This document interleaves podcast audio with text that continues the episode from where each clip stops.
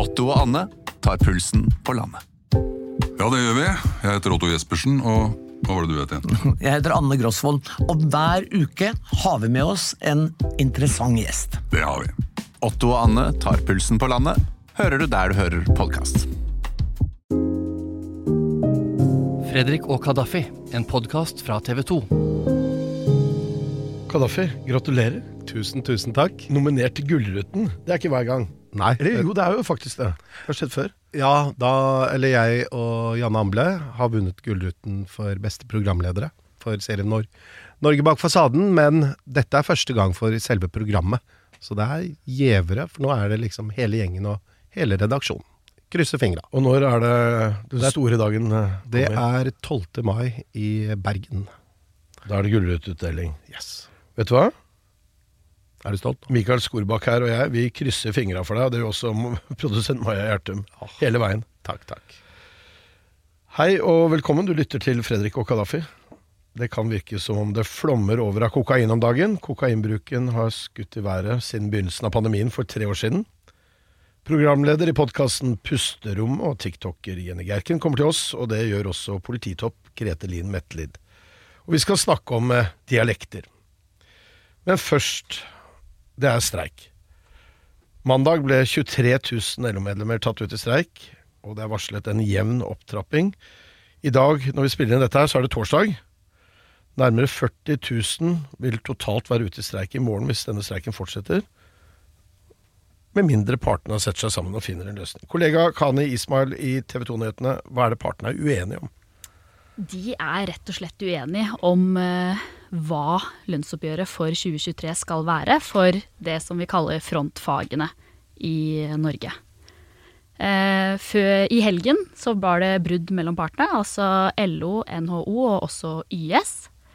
Eh, og det som da har blitt lekka til media, det var at det lå et forslag på bordet på 5,2% i eh, lønnsøkning i 2023. Hva betyr det i kroner?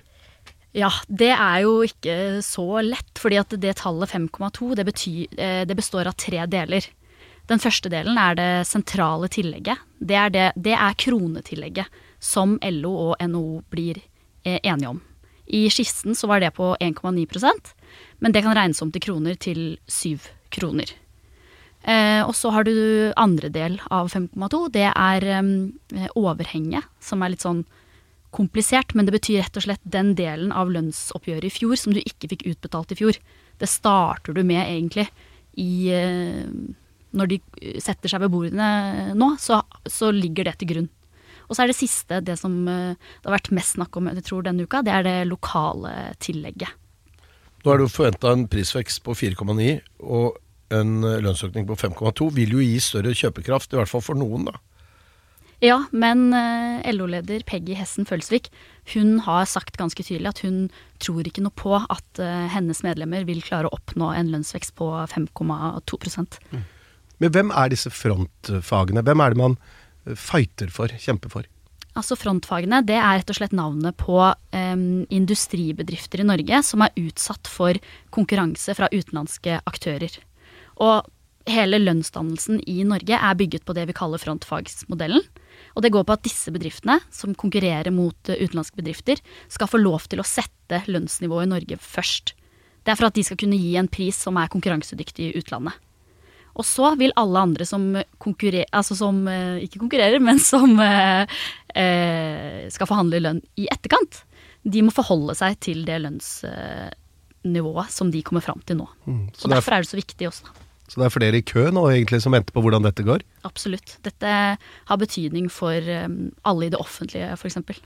Vi andre kan jo bare surfe liksom på, på det resultatet der, da, mer eller mindre. Eller i hvert fall kanskje justere det litt. Grann.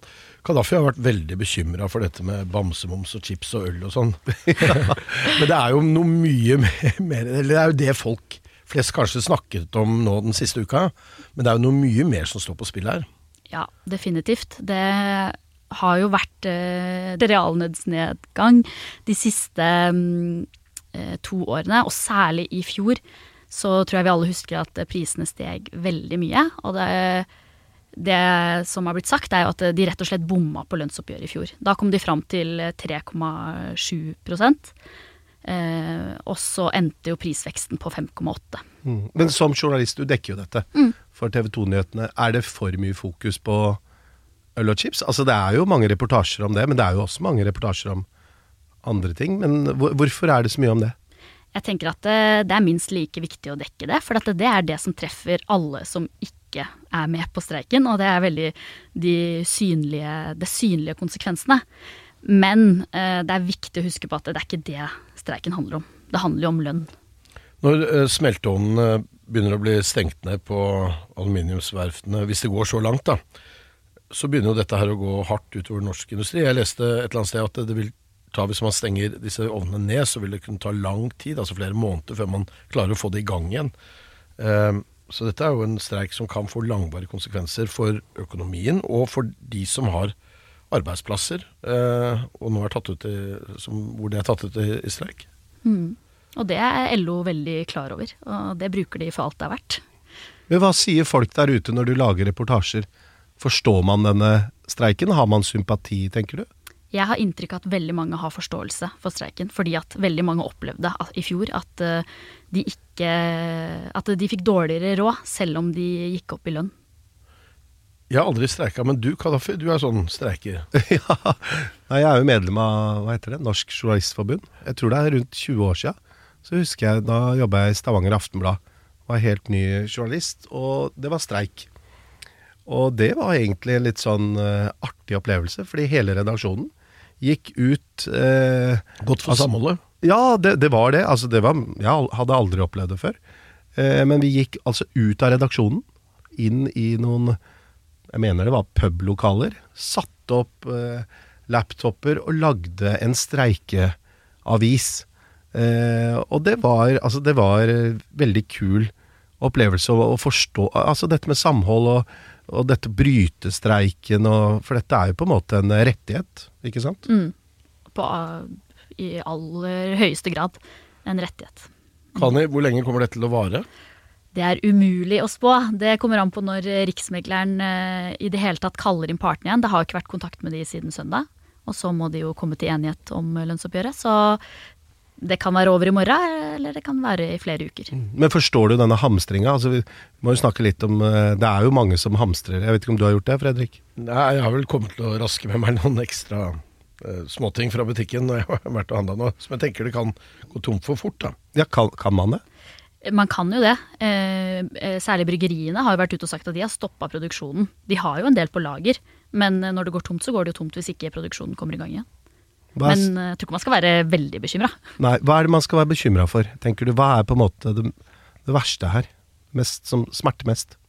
Jeg tror det som smerter mest i det lengste løp, er jo hvis eh, arbeiderne igjen ikke opplever å få den lønna de føler at de fortjener. Eh, fordi at det, det har mye større ringvirkninger enn at man går tom for øl i noen uker. Tusen takk skal du ha, Kani. Kadafi, hvordan er at du merker streiken? Eh, nå har jeg vært i Østerdalen. Ja. Hvorfor spør du om det, din Ja, nå snakker du med nordlands. Oh, ja, ja. Hvorfor spør du om det, din kafir, holdt jeg på å si. Nei, eh, nei, jeg har ikke merka det foreløpig, skal jeg være helt ærlig. Jeg skal jo på Scoop-konferanse til helga. Eh, journalistkonferanse. 660 stykker fra hele landet. Mange av dem er ofte tørste, så jeg håper det er nok eh, mat og drikke der. Og godis. Ellers har jeg ikke tenkt noe særlig på det foreløpig. Og grunnen til at jeg spurte om Kessen, du merker streiken, det er jo fordi at jeg prøver å, prøver å imitere Lars Os, da, vår kollega i NRK. Og så En liten disclaimer først. Vi kjenner begge to Lars Os. Jeg kjenner han veldig godt. Vi eh, bodde sammen i Washington. eh, Ikke sammen, sammen, men vi var mye sammen eh, når jeg bodde i Washington gjennom fem år. Og jeg snakket med han i, i går kveld. Han er Eh, korrespondent for NRK. Er korrespondent for NRK. Jeg snakket med han i går kveld for å få han til å komme med noen eh, setninger. Eh, Men jeg er jo vant til å høre på dialekten hans. Så er det slik at hans eh, tidligere kollega, tidligere NRK-ansatt eh, Christian Borch, mangeårig utenriksmedarbeider og eh, nyhetsanker, han har gått eh, ganske hardt ut mot dialektbruken til sine yngre kolleger, eh, tidligere kolleger, og spesielt mot Lars Os, fordi eh, Lars Os har en eh, veldig sånn markant dialektbruk eh, når han eh, er på nyhetene. Ja, For det er en sånn blanding av trøndersk og hedmarsk og Ja, de, Gudbrandsdalen, er det ikke det? Ja, Østerdalen. Det er egentlig Ja. så Østerdal-dialekt. Men hva tenker du, da? Du snakker jo litt dialekt, du. Det må jo være lov å bruke dialekt? Vi, har, vi får lov til det i TV 2, da. Ja, for TV 2 var ganske tidlig ute med det, var man ikke det? Jo ja, i TV 2 så har det vært en greie at vi skal få lov å bruke det. Men i, i NRK så har man for programledere en del regler, da. Man skal snakke normert nynorsk eller bokmål. Nei, jeg synes, jeg har et veldig avslappa forhold til det. Jeg forstår stort sett alle som snakker på Dagsrevyen og TV 2. Du forstår Lars også? Ja, jeg har forstått Lars godt i mange år. Og jeg ringte han faktisk. Jeg må ærlig innrømme det. Har du også ringt han? Jeg har også ringt Ble ringt ned han denne uka? eh, bare for å spørre hvordan går det, og at vi kommer til å ta det opp. Og har dette gått veldig inn på deg? Altså, det var ganske kraftig kost eh, fra en mentor på en måte og et stort journalistisk forbilde, Christian Borch. Men han sa at eh, det har vært masse støtte fra kollegaer i NRK, utafor. Eh, så han tar det ikke så tungt. Eh, og samtidig så er, han litt såra, fordi dialekta er på en måte en del av identiteten hans. Han følte at det var også et lite angrep på det, men han lever godt med det. Så. Ja, så ser vi at lokalaviser spesielt over hele Norge har tatt opp dette her. De er veldig opptatt av at man må få lov å bruke dialekten, at folk skal få lov å være stolte av dialekten sin. Eh, Jeg må bare si det igjen, da. Kjenner jeg Lars Os godt, men jeg må si at svaret hans til Christian Borch var eh, usedvanlig godt. Han svarer at eh, han ser opp til Christian Borch, og Christian Borch er et journalistisk forbilde. Og at han syns det er litt dumt at han mener at han er narsissist fordi han bruker sine egne spørreord. Nå skal vi snakke om noe annet. Siden pandemien startet, så har det vært en markant oppgang i bruk av kokain blant folk. Podkaster Jenny Gerken, forrige uke så la du ut en TikTok-video der du tok et oppgjør med kokainbruk blant unge spesielt. Fortell hva du sa da. Eh, Jeg gikk egentlig bare på TikTok og hadde behov for å liksom si noe. Fordi jeg søkte opp kokain både på TikTok og på Spotify. Og jeg fikk liksom ingenting opp om det temaet. Så jeg bare hadde lyst til å legge ut et eller annet for å få tilbakemeldinger og se hva andre tenkte om det. Og på 24 timer så hadde den jo liksom 400 000 visninger. Og det var jo, og når jeg våknet da, så var jeg sånn Shit, hva sa jeg? Jeg husket liksom nesten ikke hva jeg hadde sagt. For jeg ville jo egentlig bare si noe. Men jeg prøvde jo bare å si at jeg mener at uh, jeg ser kokain veldig ofte. Og jeg lurer på hva slags jeg, Nå har jeg sett Hvor- på tallene og sånn. Hvor, hvor er det du ser det? På arrangementer og på utesteder i både Oslo og også i påsken da jeg var i Hemsedal, så så jeg det veldig mye. Og jeg har jo yngre brødre som forteller veldig mye om hvordan det er både i russemiljøet og på de skolene på vestkanten i Norge, eller i Oslo. Altså videregående eller ungdomsskoler da? Videregående og ungdomsskoler. Wow. Mm. Men er, det sånn at du ser folk bruke det- Kommer folk og tilbyr det, eller? Ja, det er begge deler. Og så eh, var jeg på et utested nå i Oslo før påsken. Um, og da sto jeg liksom midt på dansegulvet, og så er det en som tar opp en nøkkel liksom da, og sniffer liksom rett foran meg. Og da står jo dørvakten rett der, og han så jo ingenting. Og det er veldig lett å skjule. Det er derfor det var litt sånn Hm, hva skal man egentlig gjøre med det her? For det er jo det er jo ikke, det er ikke så veldig lett å fange det opp, på en måte. Hva var responsen da når du la ut dette? Hva, sa folk at 'oi, hvorfor tar du dette opp', eller var det mer sånn støtteerklæringer? Jeg vil si at det er veldig skilt i kommentarfeltet. For det er liksom Jeg tror det er sånn 60-40. Det er liksom 60% folk som er sånn Alkohol er et mye større problem. Og jeg er fullt klar over at jeg kunne tatt opp alle samfunnsproblemene i en video. Det kunne jeg gjort. Men akkurat der og da så følte jeg for å ta opp det problemet, for jeg hadde ikke sett maken før. Eh, Og den andre delen av kommentarfeltet er jo veldig sånn Herregud, endelig er det noen som snakker om det. Og da var jeg bare sånn åh, så deilig. Og folk har vært veldig på, og bare at jeg får komme på podkasten og snakke om det, det betyr jo veldig mye, for vi må jo snakke om det, siden andre også sier at det er et problem, da. Men Skremmer det deg, bruken? Altså, jeg syns jo det er trist, da, for det er jo liksom veldig, altså Siden jeg driver med selvutvikling, så er jeg jo veldig opptatt av at du, skulle kunne være i alle disse sosiale settingene uten å føle at du må bruke rus for å bli en spesiell type versjon av deg selv. Så jeg bare er redd for at folk føler at de må bruke det for å være en annen person enn de egentlig er, da, istedenfor å jobbe med de tingene de faktisk kan gjøre med seg selv for å ha det bedre. Tror du, det- tror du mange er redd for å, å si nei takk hvis det blir tilbudt det? Ja, jeg tror det, og jeg har tenkt veldig mye på hvorfor det er sånn i dag. Um, og jeg tror det har veldig mye med at det er en form for sånn prestisje. I hvert fall, for det er liksom veldig mye på Oslo vest uh, generelt. Og det er det som er eh, ganske rart, for at man tenker sånn hm, Burde ikke det være teit? Men så er det, det er dyrt. Og hvis du tenker på Exit, og du tenker på alle de sangene som har kommet ut, sånn russelåter, da, så er det sånn Alle er jo bare sånn Oi, det er kult. Man tenker jo når du hører på alt det som blir sagt, så tenker du jo det er fett. Og det er jo så skummelt. Mm. Men fordi jeg tenker at for mange Jeg er jo litt eldre enn deg, og da når vi var ute, eller så folk eh, på en måte bruke det, så var det mer skjult. Mm. De gikk inn på et toalett. Det var ikke sånn De sto ikke på dansegulv. Eh, og det var kanskje litt mer skamfullt. Eh, og man, man var redd for å bli tatt. Er det ikke sånn nå? Jeg føler ikke det. Men jeg vet ikke. Eh, jeg er usikker. Men eh, det virker jo ikke sånn, da. Når jeg er såpass eksponert for det. På Altså, det har ikke noe med vendingen min å gjøre, men det er liksom arrangementer og utesteder. Og da tenker jeg liksom at hvis jeg som nesten aldri drar ut, ser det såpass ofte, så, så virker det jo som at de ikke bryr seg. Um, og det virker jo også så jeg, Det var en gutt som stoppet meg på gaten i forgårs, som bare var sånn 'Du snakket om kokain. Hva har du to minutter?' liksom. For han gikk på en skole i Oslo, og han var sånn 'Jeg er i andre klasse på videregående, og alle tar det'. Og det er liksom Det, det har også kommet ut en del kronikker i det siste om jenter og gutter, og de forteller jo at liksom på vorset så er det liksom sånn alle De bare legger det på bordet, liksom, og så er det hver person sin tur å ta en linje. Og så går du ned etter en halvtime, så da er det ny. Så det er på en måte sånn kontinuerlig gjennom kvelden da, i fellesskap, og det er jo helt sykt å tenke på.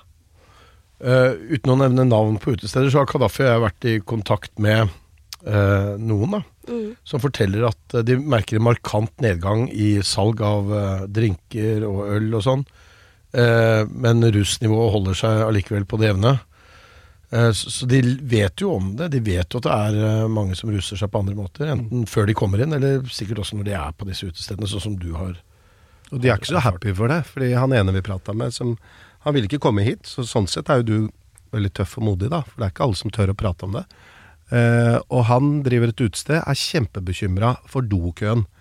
Han vil heller ha en barkø. Han vil at folk skal kjøpe eh, øl og, øl og sprit, men ikke på en måte gå inn på doene og ruse seg. Eh, og, og, det fører jo, ikke sant. Folk blir jo ute av seg sjøl, og det blir bråk, og det er jo mange situasjoner som ikke de ønsker. Men det er på en måte Vi kan jo spørre etterpå. Vi får jo besøk av Grete Lien Mertlid, en av sjefene i Oslo-politiet, som etterforsker mange av narkotikasakene. For det jeg syns er spennende, er hva endringen nå. Kokain har vært der i mange år. Eh, men hva er det sånn at hvis det er som du sier, at ok, dette er ikke flaut, dette er ikke noe skam, og det er kult, så tror jeg det er veldig annerledes enn det det var før, da. Jeg vet ikke hvordan det var på din tid. Du er jo eldre, enda eldre enn meg. Jeg er, så, så, jeg er et par år eldre enn deg. Eh, jeg, jeg, jeg har ikke merka så mye til dette her. Folk drakk øl der jeg kom fra. Ikke USA heller? Jo, det var en del kokain der, men eh, det var i spesielle miljøer, ikke college-miljøet som jeg hang i da på når jeg var ung. Så Mm. det er annerledes. En ting jeg også tenkte på, var at det kunne hatt en sammenheng med eh, alkoholprisene. At liksom For at Før så var det sånn du betalte 1000 kroner for et gram, og det høres jo veldig mye ut. Men når du drar på byen nå, så koster jo en drink koster jo 170 til 100, 200 kroner. Og det er helt sykt, liksom. Og det er jo ikke så mye alkohol oppi der heller. Så hvis du føler at du da kan ta en linje og holde deg på et kjempehøyt nivå i en halvtime istedenfor å kjøpe det, så er det jo også kanskje det det handler om. Jeg vet ikke. Mm. For før så var det jo veldig dyrt, og det var, ikke, det var vanskelig å få tak i. Så kan det være prisene faktisk faller litt. Vi ser jo at det, det kommer i hvert fall mye kokain til eh, Norge nå. Ja, det har vi sett. Ja. Vi skal snakke mer om det snart. Så bra at du satte dette på dagsordenen. Straks kommer eh, polititopp eh, Grete Lien Metlid til oss, som Kadafi sa. Det blir snakk om både kokain og annen kriminell virksomhet i Norges største by. Det skal fortsatt handle om kokain her hos Fredrik og Kadafi. Velkommen, Grete Lien Metlid. Du er leder for det som kalles Felles enhet for etterretning og etterforskning ved Oslo politidistrikt. Og du har vært i politiet i mer enn 30 år. Mm. Vi har akkurat hatt en eh, gjest her som har snakka om eh, kokain og bekymring. Hun er faktisk sjokkert om hvordan det er eh, blant eh, enkelte unge. Og så har vi også hørt at det har vært ganske store beslag i, i det siste. Enorme beslag, både i Vestlandet og her i Oslo. 1600 kilo funnet i banankasser hos Bama i løpet av tre uker, og 100 kilo beslaglagt på Vestlandet. Eh, hva i all verden er dette for noe?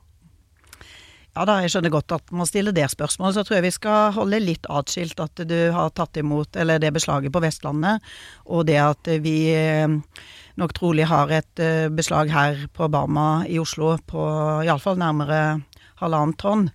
Eh, og at vi nok ikke heller, eh, litt ut ifra det vi har sagt eh, ut gjennom også mediene, skal nødvendigvis si noe om bruk og, og det, hvordan dette påvirker norske forhold.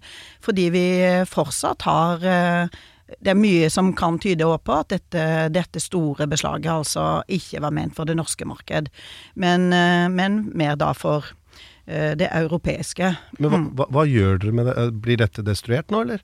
Ja, det blir jo etter hvert. Men først så er det ganske møysommelig, de tekniske undersøkelsene.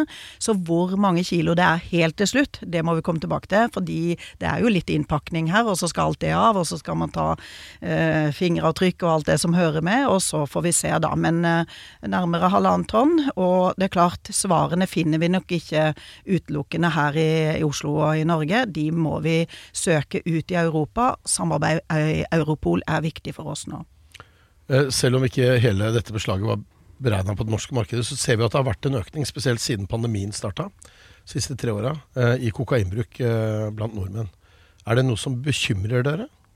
Jeg tror det er viktig å være opptatt og se dette, og også tror jeg det er viktig at man skaper både bevissthet rundt det, og at dette er noe som snakkes om, og at ungdom selv også tar en litt sånn aktivt forhold til hva dette, at det angår de.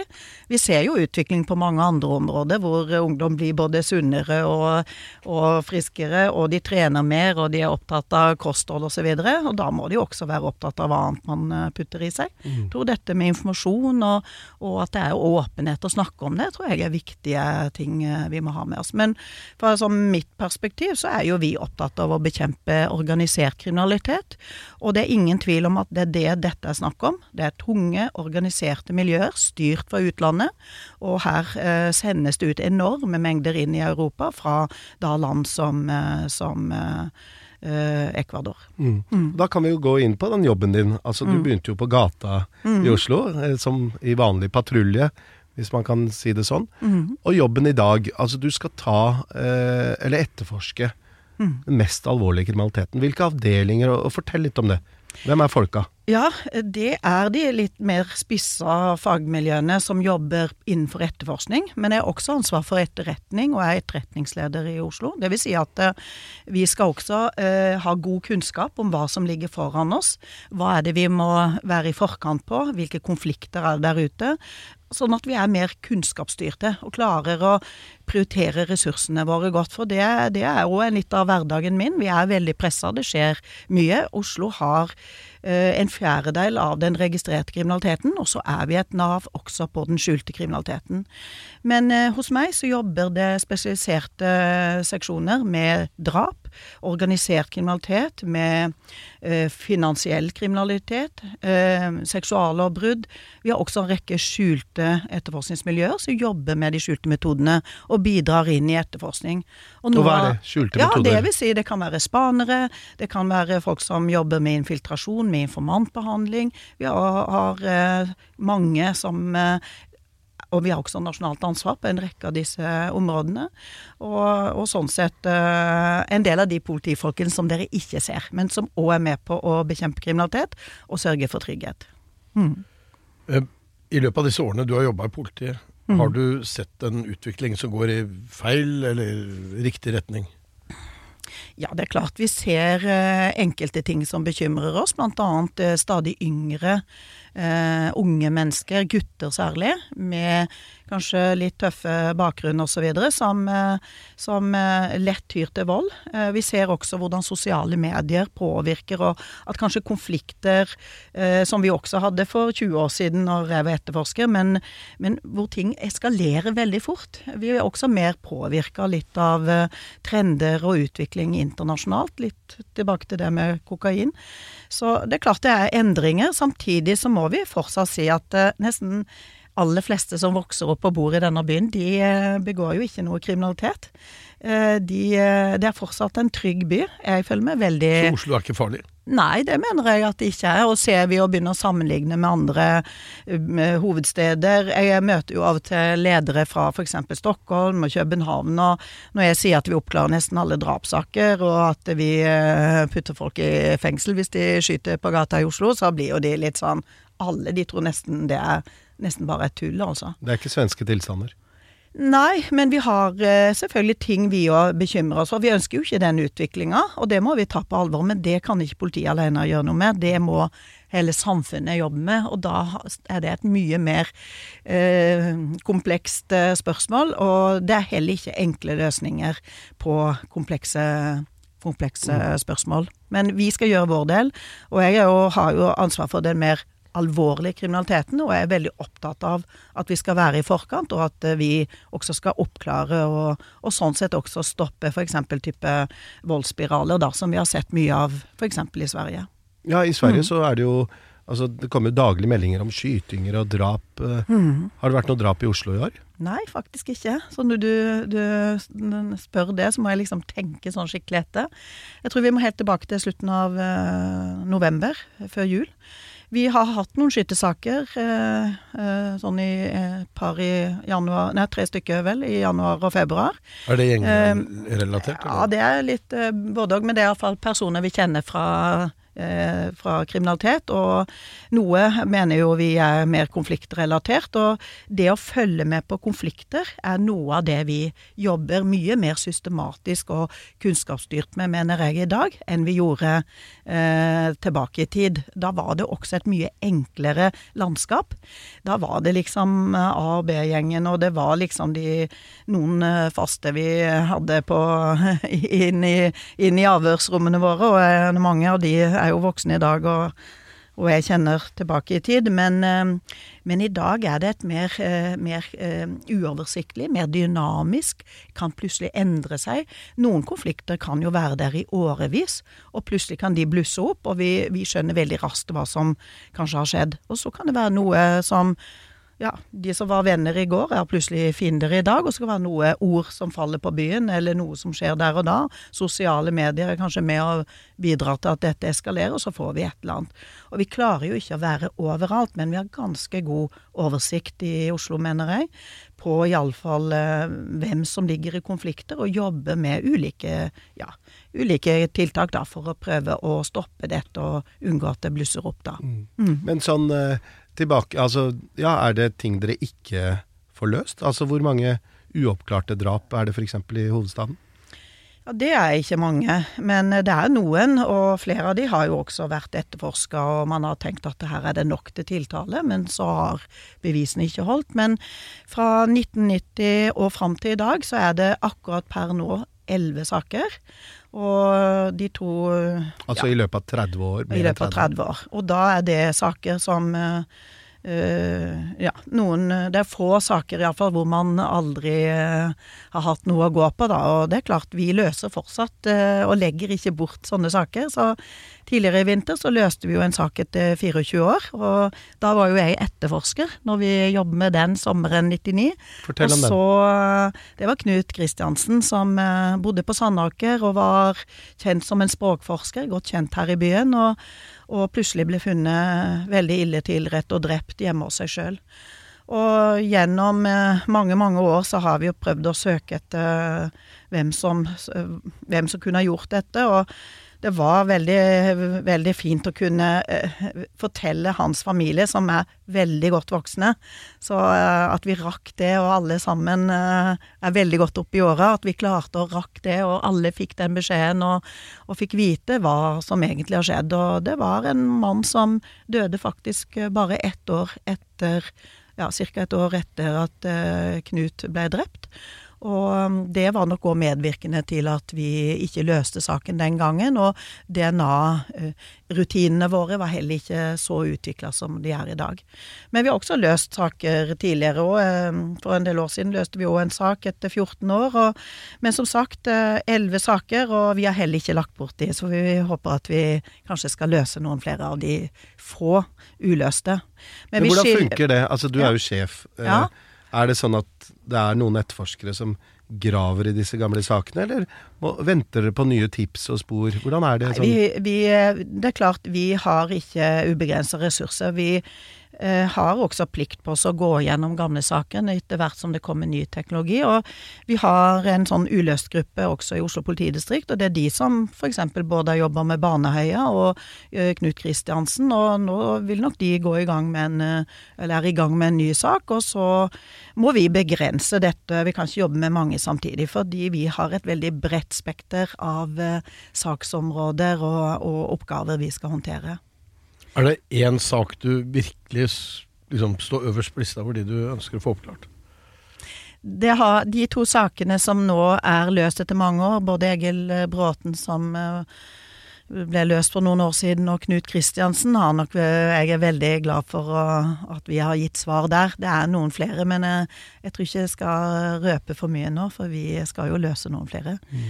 Men jeg tror òg det er litt sånn viktig å si at det er ikke sånn at vi eh, prioriterer det ene drapet viktigere enn det andre. Jeg tror det er viktig å si at vi er opptatt av at vi skal kunne gi svar i alle saker, samme hvem som er, er drept, om det er lenge siden eller i nærtid. Mm. Vi prioriterer dette veldig høyt.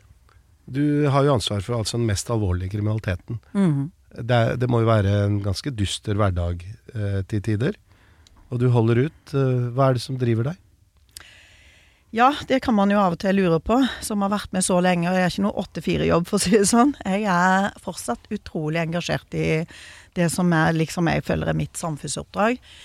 Eh, jeg tror jeg er litt eh, trigga av det der at, eh, vi, at vi klarer ting, selv når det er liksom Sakene står i kø, og det virker nesten litt sånn uovervinnelig, og, og ressursene er, er ja, er for få. Det er ingen tvil om at å være leder i offentlig sektor er ingen spøk. Det er nedtrekk og dårligere økonomi, og vi kjenner selvfølgelig på de tinga som resten av samfunnet. Men jeg tror det er det der å få til noe sammen med andre, klare eh, å løse saker, gi svar og og, og, at man kanskje klarer det på tross av, og ikke alltid på grunn av. For vi har eh, veldig tøffe eh, ressurser. Jeg tror mange, Senest før jeg kom nå, så var jeg på møte med ressurssituasjonen på den eh, terrorsaken fra i fjor. Og da er det å sitte der og prioritere mellom det prioriterte. Men det å da samtidig drive utvikling og endring av organisasjonen, av hvordan vi jobber, det er veldig stor drivkraft for meg. Mm. Altså eh, terrorsaken fra i fjor, mm. angrepet i Oslo. Mm. Der er det jo flere som er tatt, sikta. Mm. Men det er én som eh, dere vil ha tak i Arfan Bhatti, som mm. er i Pakistan. Ja. Ja, Hva skjer der? Ja, vi har, vel, vi har vel ikke noe mer å si nå. Vi har vel håp om at vi snart vil få en eller annen utvikling, og at vi vil få han hjem hit fra Pakistan. Ehm, så de prosessene går sin gang, og mitt inntrykk er nok at eh, at vi får et svar snart. Jeg håper det. Eh, vi er kommet veldig langt i den etterforskningen, men det helt naturlig gjenstår jo en del. Eh, og eh, ja, vi har gjort masse. Det har vært en ganske omfattende etterforskning, og forhåpentligvis får vi noen nye svar snart. Er det viktig for dere å få ham hit for å få ham eventuelt straffeforfulgt i, i Norge?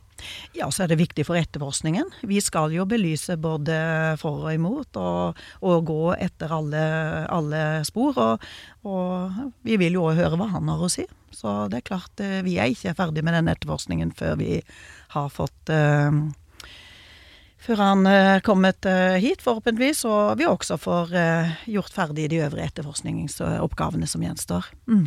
Jeg må også spørre deg om true crime. Mm. Altså, det er jo kjempepopulært. Mm. Eh, og dere får nok masse henvendelser fra media og produksjonsselskaper mm. som vil lage podkaster og serier og, ja. og filmer. Hvordan, hva slags forhold har du til det?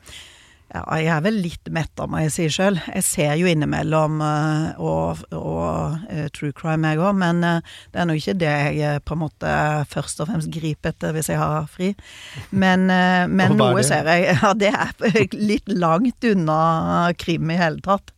Så da ser jeg hele Går jeg på kino og ser noe annet, eller tar grønlandsleir og setter meg på en restaurant, et eller annet, altså, for å få noe annet enn en, en kriminalitet og, og, den delen. Men jeg, jeg, ser også behovet for at vi må bidra og delta inn i både debatten om hva eh, liksom true crime, men jeg ser jo også at det, det er gravprosjekter og god journalistikk som drar oss videre, og som er med på å løse saker. Og det er jo viktig for oss. Det er masse læring òg der.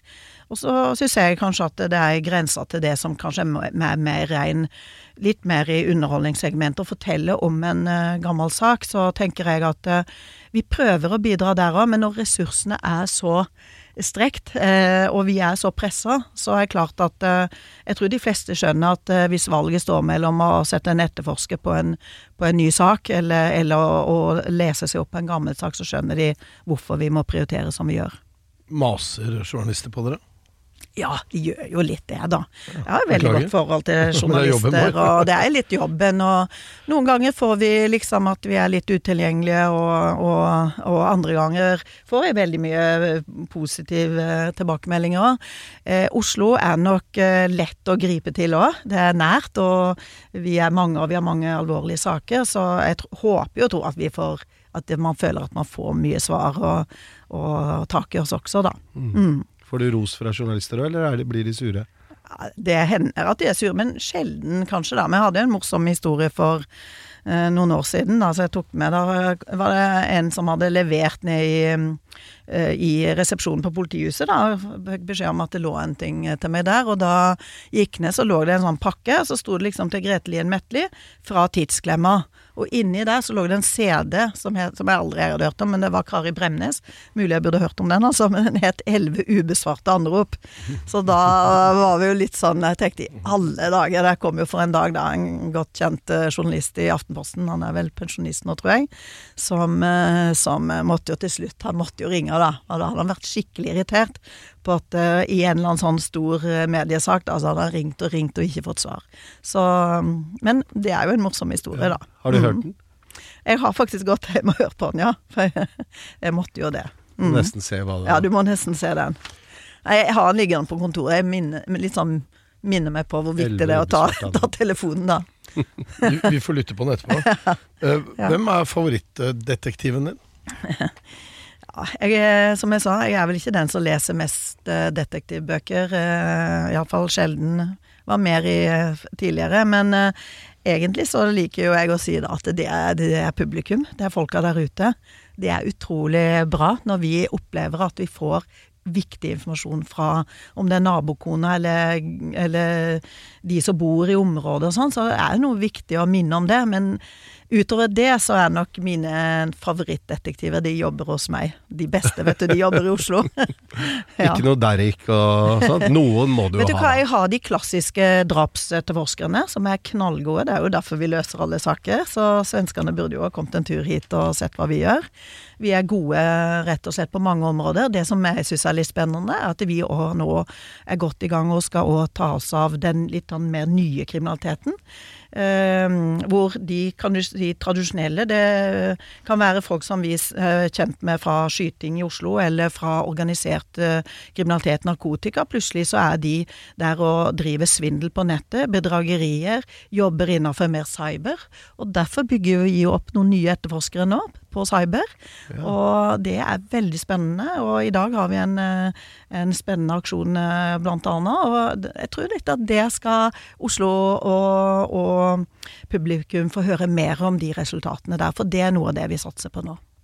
Hvordan rekrutterer dere folk til å jobbe med cyberkriminalitet? Ja, vi, vi, leiter nok etter både folk med eh, teknologikompetanse, kanskje som folk som har tatt uh, ulike sånne IT-relaterte utdanninger, men også politifolk. Og en som jeg satt og hørte på senest denne uka, han var faktisk lærerutdanna og jobber på cyberavsnittet. Så det er jo litt sånn, uh, viser litt av, uh, av mangfoldet, da, hos oss. Tusen takk, eh, Grete Linn Metlid. Takk for eh, besøket. Takk også til Jenny Gerken og kollega Kani Ismail, som satt her i studio sammen med Kadafi Saman og Fredrik Resvik. Teknisk ansvarlig Mikael Skorbakk. Produsent Maja Gjertum. Redaktør Karianne Solbrekke. Vi høres om en uke.